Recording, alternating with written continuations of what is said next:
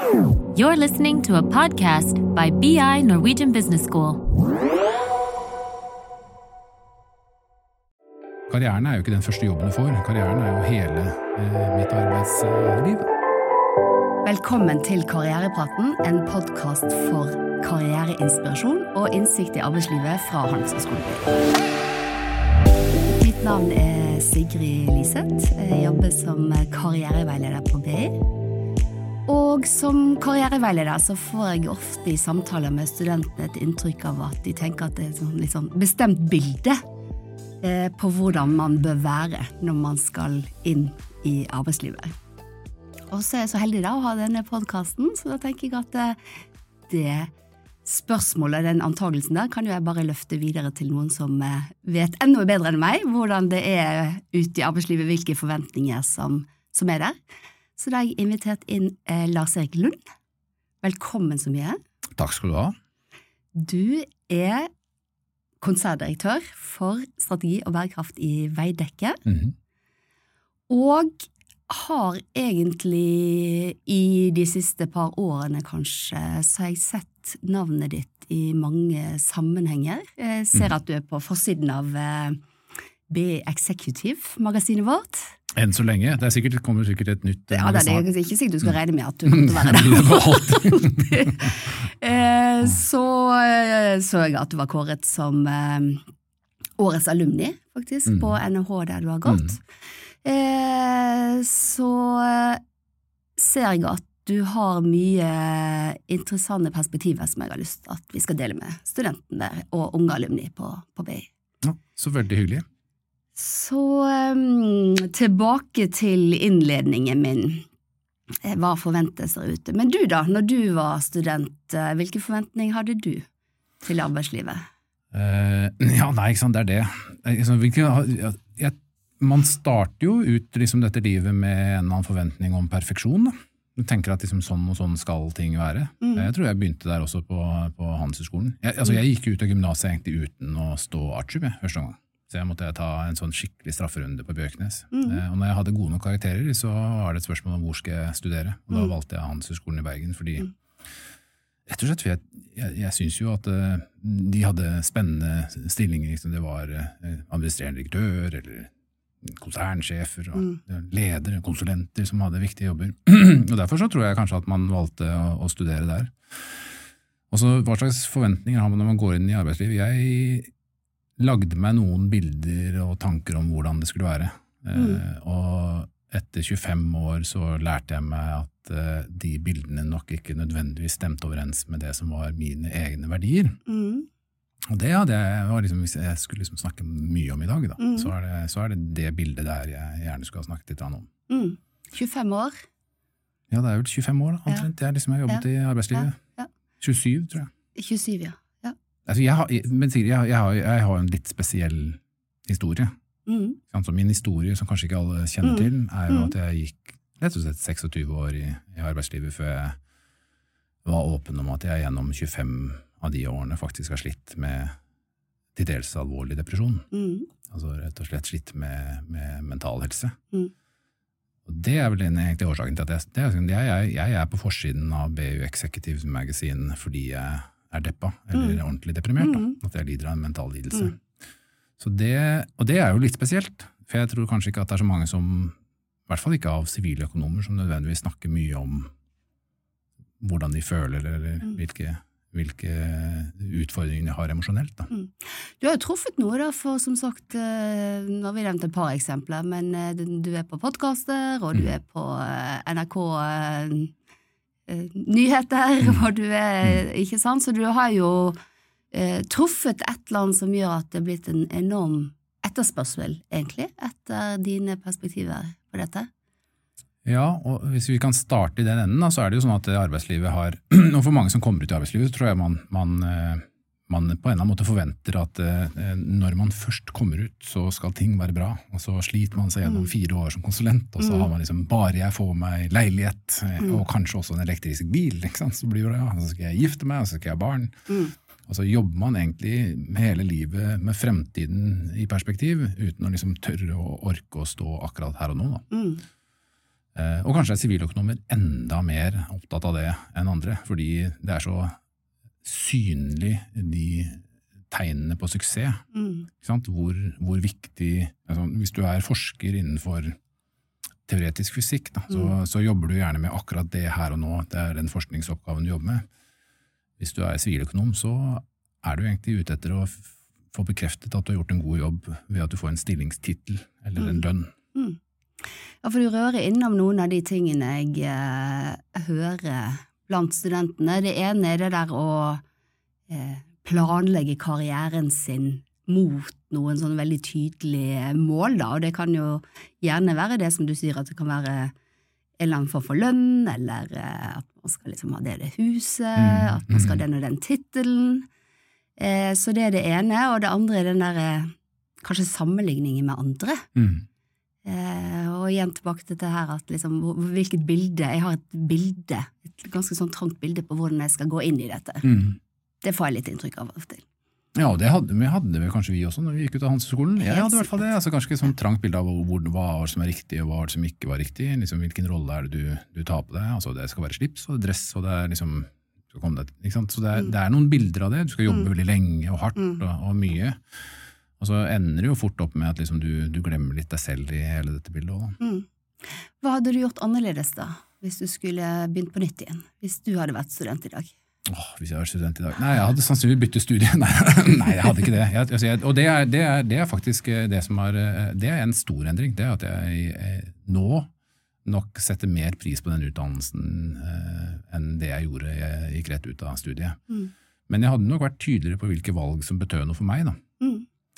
Eh, og det kjenner vi igjen fra hele diskusjonen også om, om, om, om, om handelshøyskoler og, og deres eh, effekt på næringslivet og sånne ting, som vi har Mm. hatt liksom, i Dagens Næringsliv, sett fra egne noen av professorene her og noen av professorene på Mm. Handelshøyskolen har diskutert. Men det er jo liksom, eh, i hvilken, hvilken grad eh, er den stillingen og den jobben jeg har, passer den overens med de eh, verdiene jeg er satt opp med? Mm. Eh, Fordi vi har ikke like verdier alle. Mm, Noen, noen betyr dette mye, for andre betyr dette mye. Mm. For meg så, så, så levde jeg etter hvert livet ganske langt unna det som var mine eh, kjerneverdier. Mm. Og det tror jeg veldig på, dette med når man skal ut da, i denne eh, karrieren sin, så spør jo veldig mange hva er lurt å gjøre, og da tenker man kanskje på hvor er det flest jobber, eller Mhm. hvor er det raskest karrierevei, men Mhm. faktisk det å tenke litt på egne verdier og se at eh, industri og selskap og stilling passer til verdiene.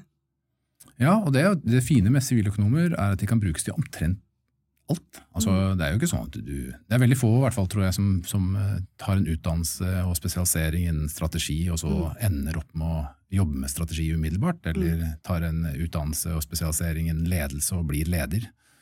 Så, så mange av de, de Vi har jo litt sånn overflate, vi toucher innom ganske mange fag, eh, og så skal man benytte seg og utnytte det i et yrke som du, som du tar på. Det er jo forskjellen på vår utdannelse og veldig mange andre, er at det å være siviløkonom er i en yrkesforberedende studie, Mm. eh, mens det å være akademiker, for eksempel fysiker, det er å jobbe med fysikk. Eh, Mm. Så, så vi, vi går jo ikke i dybden på så veldig mange fag, men vi har ganske mye og det gir oss muligheten til å velge også litt UVA. jeg føler er riktig, hvilke, hvilke fag syns jeg er spennende. Mm. Og jeg syns at siviløkonomer bør kunne utnyttes i mye større grad enn det vi gjør i dag. eh, I flere fag. Mm. Eh, og vi må ha tålmodighet. Hvis jeg hadde vært student, så hadde jeg i hvert fall hatt tålmodighet nok til å vente til å finne den jobben som eh, hadde de fagene som jeg, og kombinasjonen som jeg var opptatt av. Mm. Og det er ikke så farlig hva du begynner med. Mm. Eh, Det er rett og slett å komme ut i arbeidslivet og begynne å føle på den ja, mestring, mening, tilhørighet, som er liksom mine nøkkelord da, for Mm. arbeidslivet. Så det vi snakker om her, Lars Erik, er jo dette med at man gjerne kan tenke at det er et sånn bestemt bilde man skal fylle for å gjøre det bra og ha det bra i arbeidslivet. Så sier du noe om at det er viktig å eh, tenke på egne verdier, Mm. eh, at det er en god match. Men jeg husker også du sa en gang vi snakket litt om dette i en annen anledning, så snakket du litt om at eh, vi eh, i økonomistudier Mm. lærer jo mye om dette med unique selling points. USP-er. USP.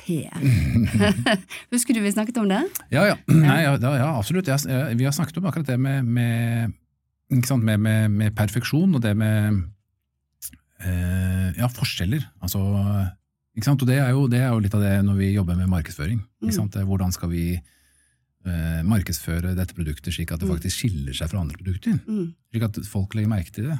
Eh, hvis det ikke skiller seg, så blir det jo helt det samme. Da er det jo en commodity, og Mm. folk velger på pris. Ikke sant? Så hvordan skal vi faktisk kunne liksom markedsføre noe som gir det en liksom differensiert, eh, litt annerledes um, Og det er jo det vi kaller som en unique selling point. Hva er det vi har i vårt produkt eller i vår tjeneste som gjør den til attraktiv hos akkurat de kundene vi ønsker å attrahere hos?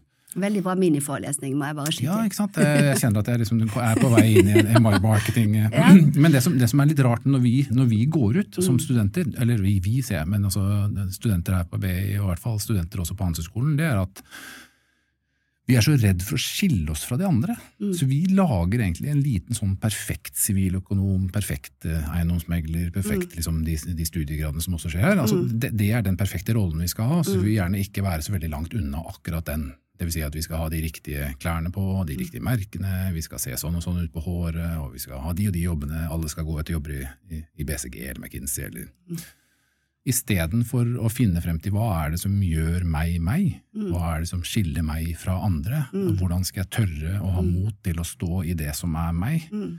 Fordi du ønsker jo å finne de arbeidsgiverne som matcher deg, Mm. eh, og som du selv føler at dette er verdier jeg kan akseptere. Mm. Vi vet det liksom i markedsføring og i, i, i våre tjenester. Da. Veidekke som en stor entreprenør, vi bygger masse av disse vei, veier og hus og sånne ting. Det er jo en tjeneste, som de aller fleste kunne sagt at ja, men det er en, noe selger du til pris. Mm. Men vi vet jo også at eh, hvis vi hadde hatt et sett med verdier kundene våre ikke var enig i, så hadde de rett og slett ikke eh, engang invitert oss til bordet. Mm. Så vi selger minst like mye på det å ha verdier, og trygge verdier i bunnen. Mm. Eh, Og det tror jeg er noe vi glemmer. Mm. Jeg vet i hvert fall selv, da, så er jeg jo sånn at jeg er en ivrig syklist. Og jeg vet at når jeg er ute på sykkeltur, så tar jeg sikkert 250 bilder. Jeg kan garantere dere at det, liksom, det, er, vært, det er ikke 250 bilder som blir publisert på min Instagram-konto. Liksom. Det er ett av de 200 som kanskje kan være såpass godt at jeg faktisk kan jeg tørre å vise det frem. Men det er jo ikke meg. Mm. De 199 andre bildene er meg. Mm. Så vi er veldig blitt ekstremt flinke da, til å vise frem akkurat den siden vi eh, tror at andre aksepterer. Mm. Og den perfeksjons... Mm. det, det tror jeg er usunt. Mm. Og nå høres jeg ut som en skikkelig gammel fyr, og det er jeg for så vidt, altså, men, altså, men, men eh, og, og som aldri kommer til å bli perfekt, men, men, men, men jeg tror at vi Altså, jeg har jo barn selv, Mm. i den alderen som altså, faktisk går på Handelshøyskolen, så, så og, og den perfeksjons- og det, det elementet der, det er, er skummelt, altså. Mm. Mm. Det er jo det. Og så hører jeg jo, du representerer jo arbeidsgiverne her, og, dere ansetter jo, og du har ansatt i mange, mange år, vet jeg. Så hørte jeg i en annen podkastepisode vi hadde, så syns jeg at hun som snakket om det, hadde en sånn nydelig vinkling på det, for hun sier at vi ønsker jo et mangfold. Mm. Så kanskje når man skal søke seg jobb og når man er ung, så tenker man hva skal jeg si her som er riktig å si, ikke sant, hvis du sitter i et intervju. Men at kanskje den som sitter på andre siden av bordet, som du har gjort mye da, ikke sant, kanskje lete etter hva er det som skiller denne kandidaten ut fra andre. Hvem er denne kandidaten egentlig? Så jeg vet ikke om du Hvordan, hvordan du tenker rundt Og her det. tenker jeg tenker mye, altså.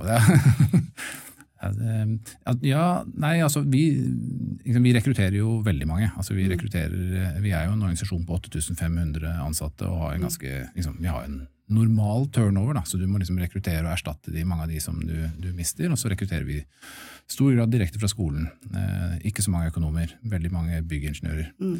Um, og det er klart at uh, vi er jo på utkikk etter masse av de talentene som er der ute, og prøver jo etter beste evne å finne ut hva er det som skiller deg fra de andre, som gjør at du passer bedre inn hos oss enn enn de andre vi har vært i kontakt med. Det handler like mye om at, å presentere Veidekke på en måte som gjør at uh, du får, får, får se hvordan den organisasjonen er. Eh, som det har med at vi ønsker å liksom Ellers så hadde det jo vært veldig greit. Du kunne bare sende over CV. Her er liksom karakterene mine, her er Instagram-kontoen min og LinkedIn-kontoen. Vi snakkes, eh, og så får du jobben. Men vi vil jo Det er liksom bare første steg. Mm. Så det steget som vi, og, og, der er vi ganske brede. Vi aksepterer eh, stor bredde, og det vet jeg også at veldig mange andre gjør. Mm. Eh, Så det er først når du kommer på intervju at du kan få lov til å, å vise frem hvem du er. Mm. Og der er nok mange altså de er, Det er mye likt, altså. De Mm. fleste tenker ganske likt, de har de samme liksom, erfaringene. Mm. Men det vi kjenner igjen veldig mye, det er at uh, de kravene som stilles til studenter og sånne ting i dag, som jeg tror de selv stiller på seg selv, Mm. de er så mye høyere enn det det Mm. var når jeg gikk ut av skolen. Mm. Men du snakker om at det er kravet de stiller til seg selv. Tenker du at eh, arbeidsgiverne stiller de kravene også, eller hva mener du med at de stiller til seg selv? Jeg skjønner jo det tror- at de gjør det. jeg- jeg- altså, jeg- en, av de, en av de jeg har snakket med, som er et, et stort advokatkontor i Oslo, eh, snakket om at de, de hadde hyret inn det. Vi hadde en spennende diskusjon, for det var liksom, hvor mange mannlige partnere og kvinnelige Mm. partnere er det i toppen? Og så var det liksom ganske få, 20% kvinner og resten menn. Og så var det hvor mange er det du tar inn som fullmektiger? Og så var det 90% kvinner og 10 menn. Mm. Eh, Så der faller det Det er liksom det er utfordringen. Og så sa de at de, de, som, de, som, altså de CV-ene de får inn der, er jo folk som har liksom straight A's, Mm. vært i fag, eh, fagutvalg og, og gjort Vittas-arbeid, eh, Mm. i tillegg til å ha vært med i kor og orkester og kulturelle ting, og hatt et exchange student-årik på Cambridge, liksom. Mm. Som er sånn, i alle dager er det mulig Mm. eh, å, å komme i den Ehm, og da har man jo gått igjennom studiet og virkelig jobbet det man kan for å få å bli så perfekt som man overhodet kan Mm. i en rolle der man skal liksom eh, fakturere masse timer og, og gjerne tjene enda mer penger til å kjøpe enda dyrere vesker eller enda dyrere klær. Mm. Um, og så er det konsekvensen av det ser man ikke før man har kommet til den alderen at man faktisk kan reflektere over hva konsekvensen er. Mm. Så jeg vet ikke hvordan jeg skal komme over til folk og si at jeg, jeg, altså man har ganske lang tid på seg fra man er ferdig student til man er eh, ferdig med arbeidslivet, til å skape den karrieren man vil ha, Mm. eh, og gjøre de valgene veloverveide eller ikke, Mm. som ender i, i, i en, en god karriere. Karrieren er jo ikke den første jobben du får, karrieren er jo hele eh, mitt arbeidsliv. Mm. Det er et viktig perspektiv, tenker jeg, for man kan kanskje tenke at den første jobben er så viktig. Mm. Men vi som har jobbet en stund, vet jo at denne karrieren tar noe twist and turns, så man kan alltid få den i en annen retning hvis man ønsker det. Ja, ja, absolutt. Og, og brenner man nok for temaet, så er det liksom Og det syns vi er kjempespennende. Vi har jo studenter som kommer til oss og snakker om 'dette brenner jeg skikkelig for', så er det jo veldig lett å liksom si at 'å, men det der det er besnærende', da. Mm. Å oppleve folk som har et så stort engasjement. Ja. For vi er jo et arbeidsliv i dag. altså Reelt sett, da, hvis man gjør målinger som Gallup har gjort på hele verdens liksom, De, de intervjuer millioner av mennesker. Mm. Så snakker man om at det er liksom 25-27% av arbeidstakere som er engasjert i jobben sin. Mm. Resten er uengasjert. At det var et lavt tall. Ja, altså det, dette er de tallene som er. altså Folk starter på jobb og tenker at jeg er ikke så veldig engasjert Nei. i dette. her. Ja. Vi ønsker jo medarbeidere som er engasjerte, og hvis vi Mm. skal få til den endringen vi ønsker, da, fremover liksom ta Mm. del, aktiv del i klima, Mm. eh, det grønne skiftet, eh, få til mangfold, Mm. eh, hvorfor ønsker vi mangfold? Vi ønsker jo mangfold, for vi ønsker et, et variert liksom, tankesett, flere ulike ideer, folk som er modige nok til å si fra at dette her betyr noe for meg, så skal vi ta det imot. Mm. Men, men vi har endt opp i en situasjon der folk egentlig bare går på jobb for å heve en lønn, for å kunne liksom leve et liv ved siden av. Mm. Og det er ikke for meg eh, work-life balance. Mm. Eh, Work-life balance er et verdifullt, innholdsrikt arbeidsliv og Mm. et verdifullt, innholdsrikt eh, privatliv, og få det kombinert. da. Mm. Men og da er vi jo tilbake du sier verdifullt til verdien igjen, og det tenker jeg er jo en prosess å også kjenne til egne verdier og krever litt sånn refleksjon, selvrefleksjon, da. Som vi er opptatt av her på BI også. Hva er det, hvem, hvem, hvem er du, og hva, hva er motivasjonen din, hva liker du å gjøre? Mm. På den annen side så snakker du om matchen til bedriftene, ikke sant? at det skal matche deres verdier. Men hvordan, hvordan fremstiller dere verdiene dere? Hvor skal studenter liksom skjønne hva som er bedriften sine verdier? Nei, det der er et veldig godt spørsmål. Egentlig så burde det vært sånn der, en sånn grace period for alle. Eh, Og, og minst like Eh, viktig for Hvilken period? altså Grace period, altså en, en mulighet til å komme inn og få teste. Kan jeg Ja, få prøve ja, ja. Som prøverom, da, for å liksom teste på meg veier det Ikke passer dette her. Ja. Liksom, eh. Fordi det er jo ikke bare vi som skal ha Mm. prøveperioden. Mm. Vi, vi, og dette her er jo noen paradokser i næringslivet, er jo at vi bruker masse tid på å attrahere. Bruker penger på å attrahere. Bedriftsmedarbeider, liksom Mm. sånne store bedriftspresentasjoner og arbeidsgiverdager. Og når de først kommer inn, så, er vi bare, så skal de bare levere. Mm. Eh, Vi er ikke så interessert liksom, i inputen deres. Mm. Jeg tror her, her, eh, skal du søke etter en god jobb som du har lyst til, må du føle at du kan bidra. At det Mm. du bidrar med har en verdi, at det har en betydning, at du faktisk er der. At du opplever det som meningsfullt. Mm. At du opplever at du faktisk eh, mestrer det du gjør. Da. Mm. Så jeg har jo snakket masse med bedrifter om hva, hva har har vært årsaken til at jeg ha, har opplevd at arbeidslivet ikke har vært en god match for min mentale helse. Og det, eh, det er jo sånne ting som at eh, vi alle, altså sånn rent biologisk, så er vi sånn at vi søker tilhørighet. Mm. Altså, um, dette her høres sikkert litt sånn New Age-aktig ut, men, men det, å, det å oppleve at du ikke hører til, eh, føle at du liksom, det skaper jo eh, ensomhet. Mm. Eh, og det er mange av disse studentinstitusjonene i dag som har både en ekskluderende måte å ivareta folk på. Mm. Eh, vi i arbeidslivet er opptatt av at du opplever at du hører til. Mm. Og hvis du skal oppleve at du hører til, så må du oppleve at du hører til som den du er. Mm. Altså den ekte deg. Eh, og det krever en helt annen jobb. Det krever jo at når du kommer på jobb, eller søker en jobb, så må du ikke Det skal ikke være sånn du skal tilpasse deg og åle deg inn i liksom, drakten Veidekke, men du skal føle at her blir jeg møtt med akkurat den jeg er. Mm. Eh, det er liksom første steg på veien til en eller annen form for mangfoldsdiskusjon. Mm. Eh, og, og det krever masse av våre medarbeidere. Det krever veldig mye av våre ledere. Eh, altså det å kunne forstå og se på hvilke behov er det du har. Sette meg inn i det vi snakket om i stad, liksom det med empati. Det å sette seg inn i forstå hva, hva, hva du er opptatt av, Mm. hvilke ting du syns er viktig. Mm. Og så eh, legge til rette for det. Uh, og det så, så jeg tenker at det er, det, er et, det er et helt avgjørende punkt at du som medarbeider får muligheten til å bruke de tre måneders prøvetid til å sjekke om dette er en jobb jeg skal gjøre, og ikke, ikke tenke at det er en failure å liksom hoppe av og finne en annen. Fordi det er rett og slett de valgene du gjør her i livet. Da. Hvis eh, du har en kandidat foran deg og ser at eh, vedkommende har gjort det, han, er- han eller hun har jobbet et annet sted, og så har de hoppet av etter tre måneder eller Mm. seks måneder, eller eh, Mm. eh, Det er jo mange som er redd for at det er negativt.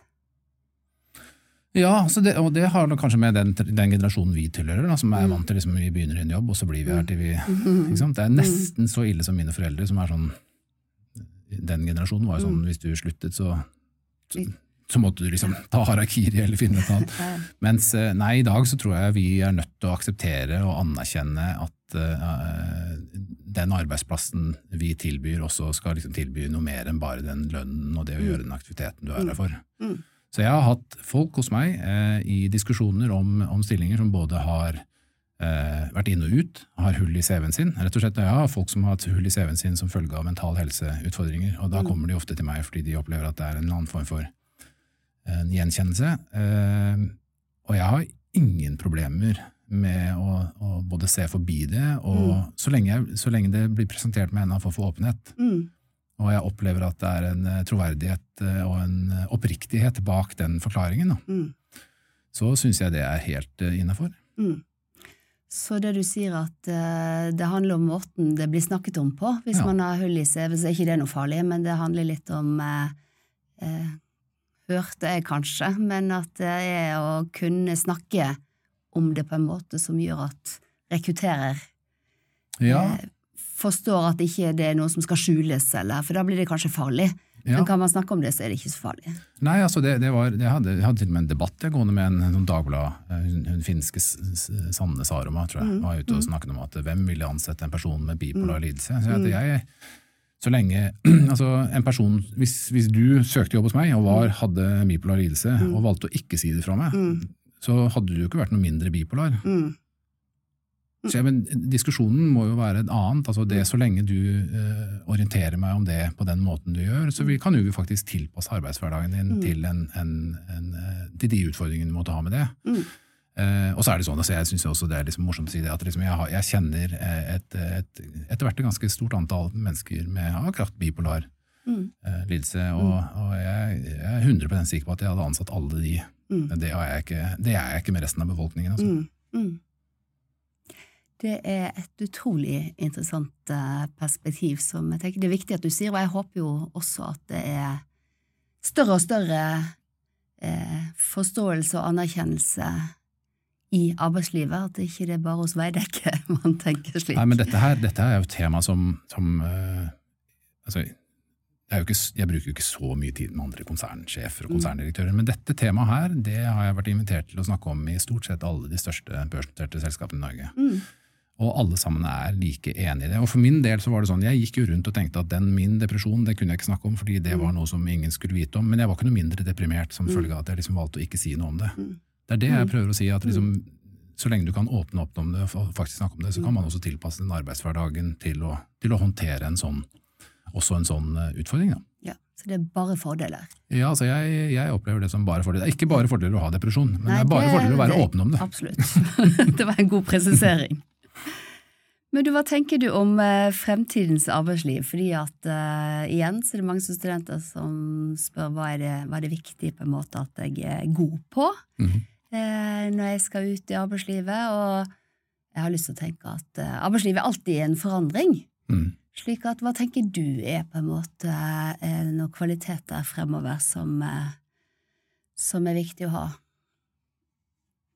Ja, det er et veldig sånn spennende spørsmål. Jeg tror jeg har skrevet til deg også, vi har snakket litt om det, men jeg er veldig veldig begeistret for en tidligere Verdensbanksdirektør som nå er direktør for London School of Economics, som har sagt det at det, det, altså, når, vi, når vi først hadde den første industrielle revisjonen og gikk gjennom det, så var det som at vi hyret mennesker med muskler liksom, for at de skulle grave grøfter. Og det var veldig synlig det du gjorde. Og så har vi jo endt opp i en situasjon der det egentlig er hjernen vår som gjør det. Men nå har vi jo kommet til en situasjon hvor vi faktisk får algoritmer og AI. altså Jeg har selv prøvd den der chat-GPT. altså den der, Mm. jeg, jeg har til og med prøvd å skrive konsernsjefens kommentar med sånn Ja. Skriv konsernsjefens kommentar til? Veidekke, og så Ja. kommer det faktisk ut en tekst. Ikke? Ja, Så vi er jo kommet veldig veldig langt på vei. Det er liksom Mye av de, de kognitive egenskapene vi har, Mm. altså regne uh, ting, det, det kommer til å liksom forsvinne. kan, Det, er noen eh, andre som håndterer. Ja. Og da er spørsmålet hva sitter vi igjen med? Mm. Og det eneste vi sitter igjen med som er annerledes enn andre, det er evnen til å kommunisere følelser, og evnen til å faktisk å forstå hva føl og tolke følelser. Mm. Um, så, det hun, så det hun har sagt er vel altså, at det er the, the age of the muscle og the age of the brain, er Mm. entering the age of the heart. Liksom. Og det, jeg tror jo også det, det, Mm. det, å kunne være ærlig om hvem jeg er, Mm. eh, hva jeg føler, hva jeg kjenner på. Og jeg vet at det er vanskelig, det er jo ikke sånn knips så kan du gjøre det. Men, men det er verdt å liksom tenke gjennom det. Eh, rett og slett for jeg tror at noen av de valgene man gjør, selv om man ikke, det er ikke avgjørende hvilken førstejobb du har, så er det likevel sånn at en god start på sånt arbeidsliv kan, kan gjøre eh, arbeidslivet til en mye mer lystig opplevelse enn det er for mange. Mm. Eh, for det er sånn, her er en, en, en viktig ting, da, og det er at eh, eh, i alle settinger, altså hvordan vi lever livene våre, så er det sånn at vi har noen plasser vi er ekstra lenge på. Eh, Og Arne Holte, som var tidligere sånn psykolog og veldig viktig eh, folkehelseinstitutt, sa at god helse produseres der vi lever livene. Mm.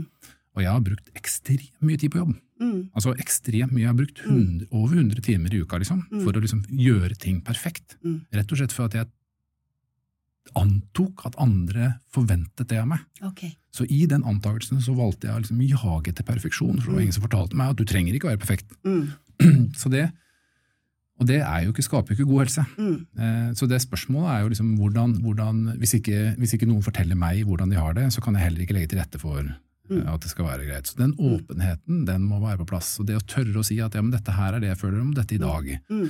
så kan jeg også være tydeligere som arbeidsgiver og som leder og fortelle eh, dette er det jeg forventer av denne arbeidsoppgaven, hvordan kan vi sammen liksom være tydelige på, på hva forventet er, sånn at du ikke ender opp med at eh, det, i mangel av forventninger så jager du etter perfeksjon. Da. Mm.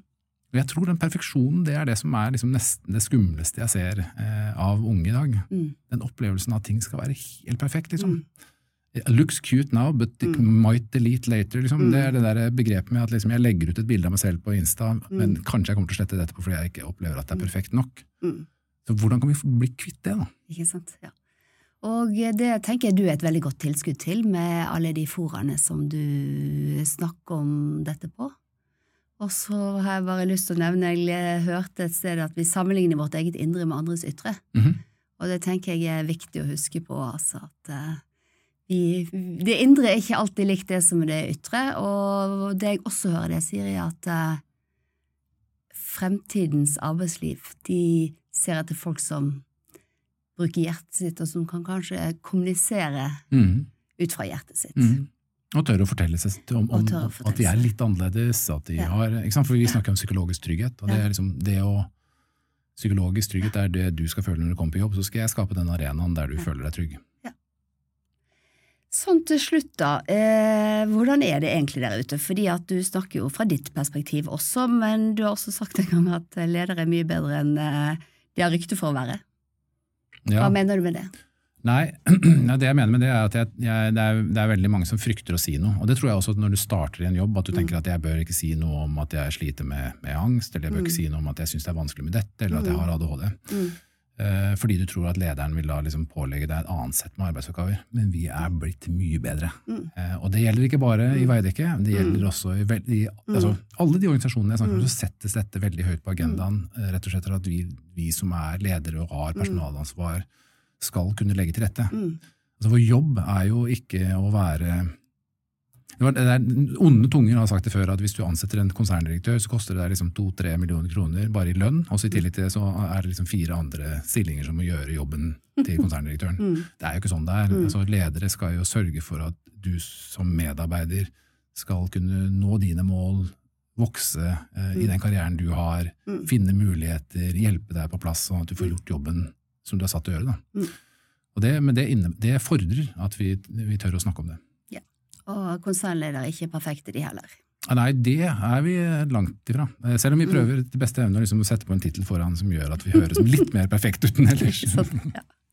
Det vi snakket om nå, Lars Erik, var jo dette i forhold til depresjon og angst og Mm. slike ting. man kan si det. Men jeg tenker at uh, alle slike ting Vi har jo en del av det alle sammen. Mm. Og så kan det være på en skala. ikke sant? Så det kan også være at jeg ikke har en depresjon eller angst, men kanskje jeg er veldig usikker. Mhm.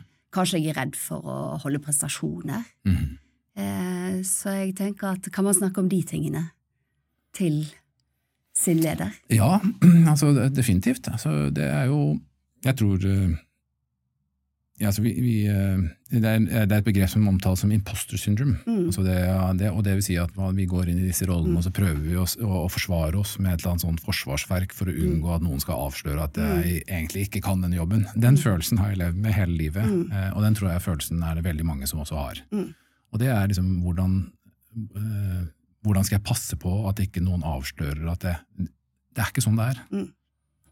Mm. Det er rett og slett ikke sånn det er. og Det, jeg, jeg, det er tilbake til eh, dette temaet som at eh, du kan altså, Én ting er hva du har av mentale lidelser, liksom, det men det som går igjen, det er Vi kan ha usikre dager og vanskelige dager og tøffe dager og føle at det er usikkerhet knyttet til hvor mye jeg mestrer. Mm.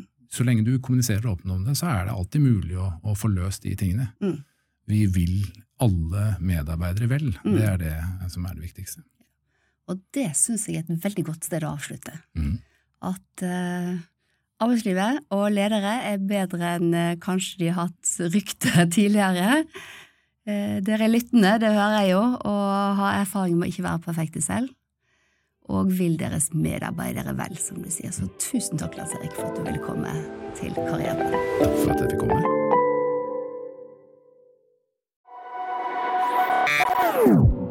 This is a BI production. Listen to more podcasts. Go to bi.no slash podcasts.